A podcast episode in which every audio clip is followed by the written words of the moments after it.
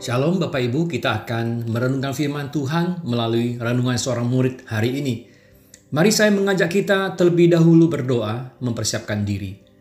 Bapa di surga, firman-Mu adalah kebenaran tertinggi yang menjadi pedoman dalam menjalani kehidupan kami. Kami butuh firman-Mu mengajarkan kami prinsip-prinsip dan nilai-nilai kebenaran sejati. Tolong kami supaya senantiasa berpegang dan tunduk mentaati firman-Mu menyesuaikan kehendak diri kami dengan kehendak firman-Mu.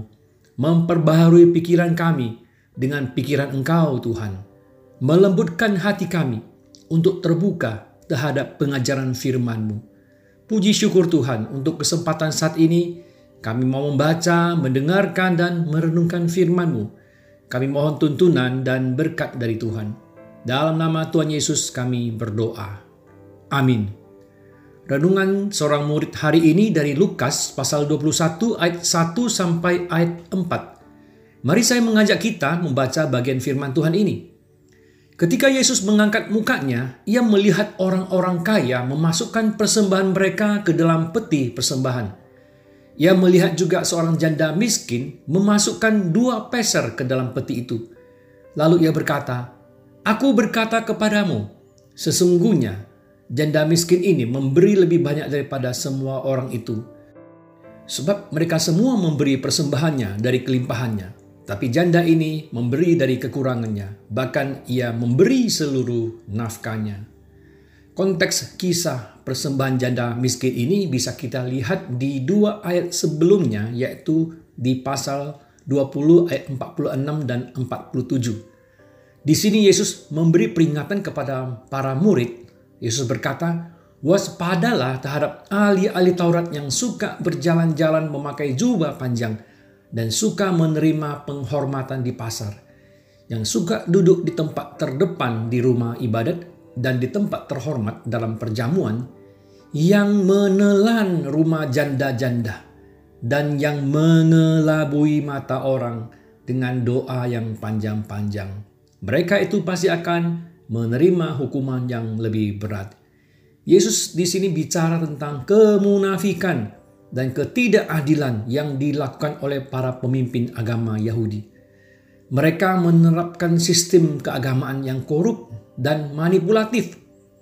Orang-orang diajarkan untuk memberi persembahan uang supaya mendapatkan imbalan kebaikan, berkat, bahkan keselamatan dari Tuhan. Padahal sesungguhnya para pemimpin agama tersebut bertujuan mengkorup uang persembahan untuk keuntungan pribadi mereka. Dan salah satu korban dari manipulasi dan ketidakadilan ini adalah janda miskin ini.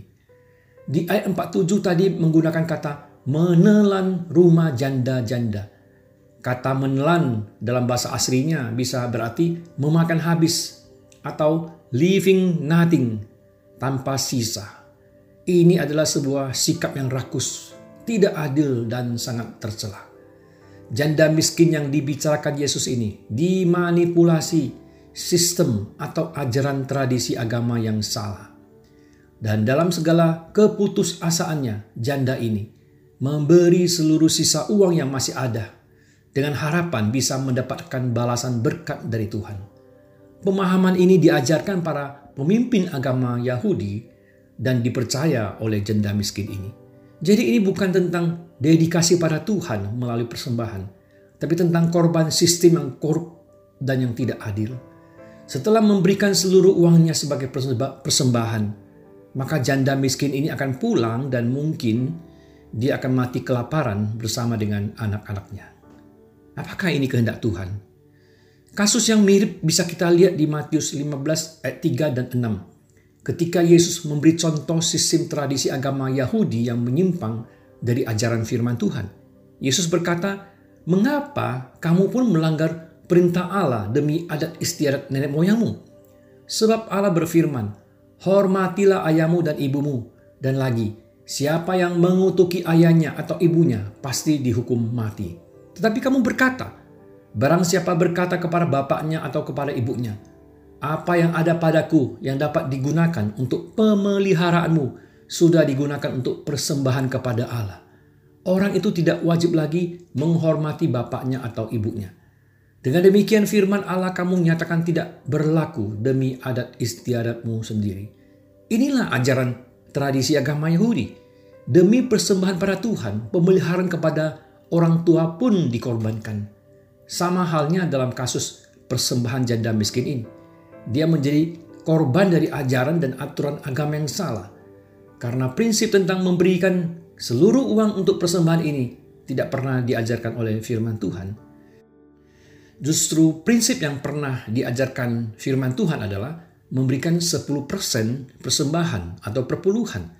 Karena Tuhan menghendaki kita pakai yang 90% untuk melaksanakan tanggung jawab kita yang lain. Sudah tentu bukan berarti salah jika kita hendak memberi lebih dari 10% dari penghasilan kita untuk persembahan angka 10% memang adalah angka minimal. Kita boleh memberikan persembahan lebih dari 10%. Tapi firman Tuhan tidak pernah mengajarkan kita memberi seluruh penghasilan kita yang kemudian mengabaikan tanggung jawab kita yang lain. Ketika Yesus bicarakan tentang janda miskin ini, Yesus tidak sedang bicara tentang teladan, tapi tentang fakta yang terjadi saat itu. Yesus sama sekali tidak lanjutkan dengan ajakan pada murid untuk meneladani sikap janda miskin tersebut. Justru janda miskin ini sedang menjadi korban dari sistem keagamaan yang salah. Ajaran yang benar adalah justru para janda miskin tersebut harusnya dipelihara. Ulangan 26 ayat 12 mengatakan apa? Apabila dalam tahun yang ketiga, tahun persembahan persepuluhan, engkau sudah selesai mengambil segala persembahan persepuluhan dari hasil tanahmu, maka haruslah engkau memberikannya kepada orang Lewi, orang asing, anak yatim, dan kepada janda, supaya mereka dapat makan di dalam tempatmu dan menjadi kenyang. Sejarah gereja pernah mencatat pemimpin agama Kristen yang menjual surat pengampunan dosa untuk membangun katedral Santo Petrus di Roma, sehingga memicu gerakan reformasi oleh Martin Luther. Ini salah satu contoh sistem keagamaan yang korup dan menyimpang pada saat itu. Membuat ajaran dan aturan agama untuk memanipulasi dan mencari keuntungan.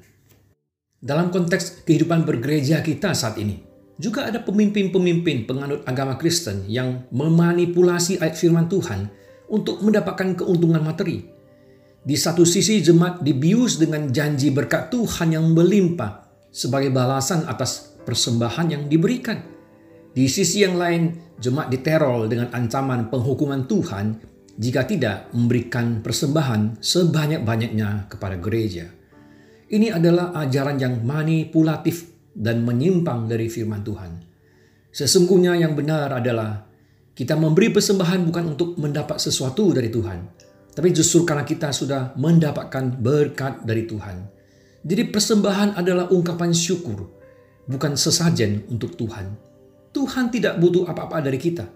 Semua yang kita pikir adalah milik kita, sesungguhnya adalah milik Tuhan yang dititipkan kepada kita.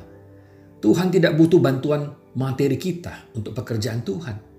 Ketika Tuhan menghendaki kita memberi persembahan, bukan karena Tuhan butuh, tapi karena Tuhan hendak pakai atau libatkan kita menjadi rekan kerjanya di dalam pekerjaannya. Tuhan berkenan pakai uang, pikiran, tenaga, dan hidup kita untuk melayani Dia. Ini sebuah anugerah, kesempatan, kehormatan, hak istimewa atau privilege yang Tuhan berikan kepada kita untuk melayani Dia. Jadi jangan kita pakai prinsip barter ketika beri persembahan. Kita berikan apa akan dapatkan apa. Berilah persembahan dengan segala kerendahan hati dan ungkapan syukur serta wujud partisipasi kita dalam pekerjaan Tuhan. Melayani Tuhan juga bukan berarti mengabaikan aspek kehidupan kita yang lain. Jangan kita melayani Tuhan sedemikian rupa sehingga mengabaikan tanggung jawab hidup kita yang lain. Kita harus bertanggung jawab atas pemenuhan kebutuhan hidup kita, memelihara kehidupan hidup anggota keluarga kita, orang tua kita, atau orang-orang sekitar yang membutuhkan uluran tangan kita. Ini juga adalah sebuah wujud pelayanan. Selanjutnya silakan Bapak Ibu baca sendiri Amsal 31 ayat 10 sampai 31. Bapak Ibu akan melihat salah satu aspek lain dari tanggung jawab kehidupan yang Tuhan kehendaki. Amin. Mari kita berdoa. Kami bersyukur firman-Mu telah berbicara kepada kami Tuhan. Kiranya kami tidak berhenti terus rindu dan haus membaca, mendengar, merenungkan firman-Mu. Kami percaya firman-Mu dan roh-Mu lah yang akan menggerakkan hati dan menolong kami untuk taat dan hidup dengan firman-Mu. Puji syukur Tuhan dalam nama Tuhan Yesus kami berdoa. Amin.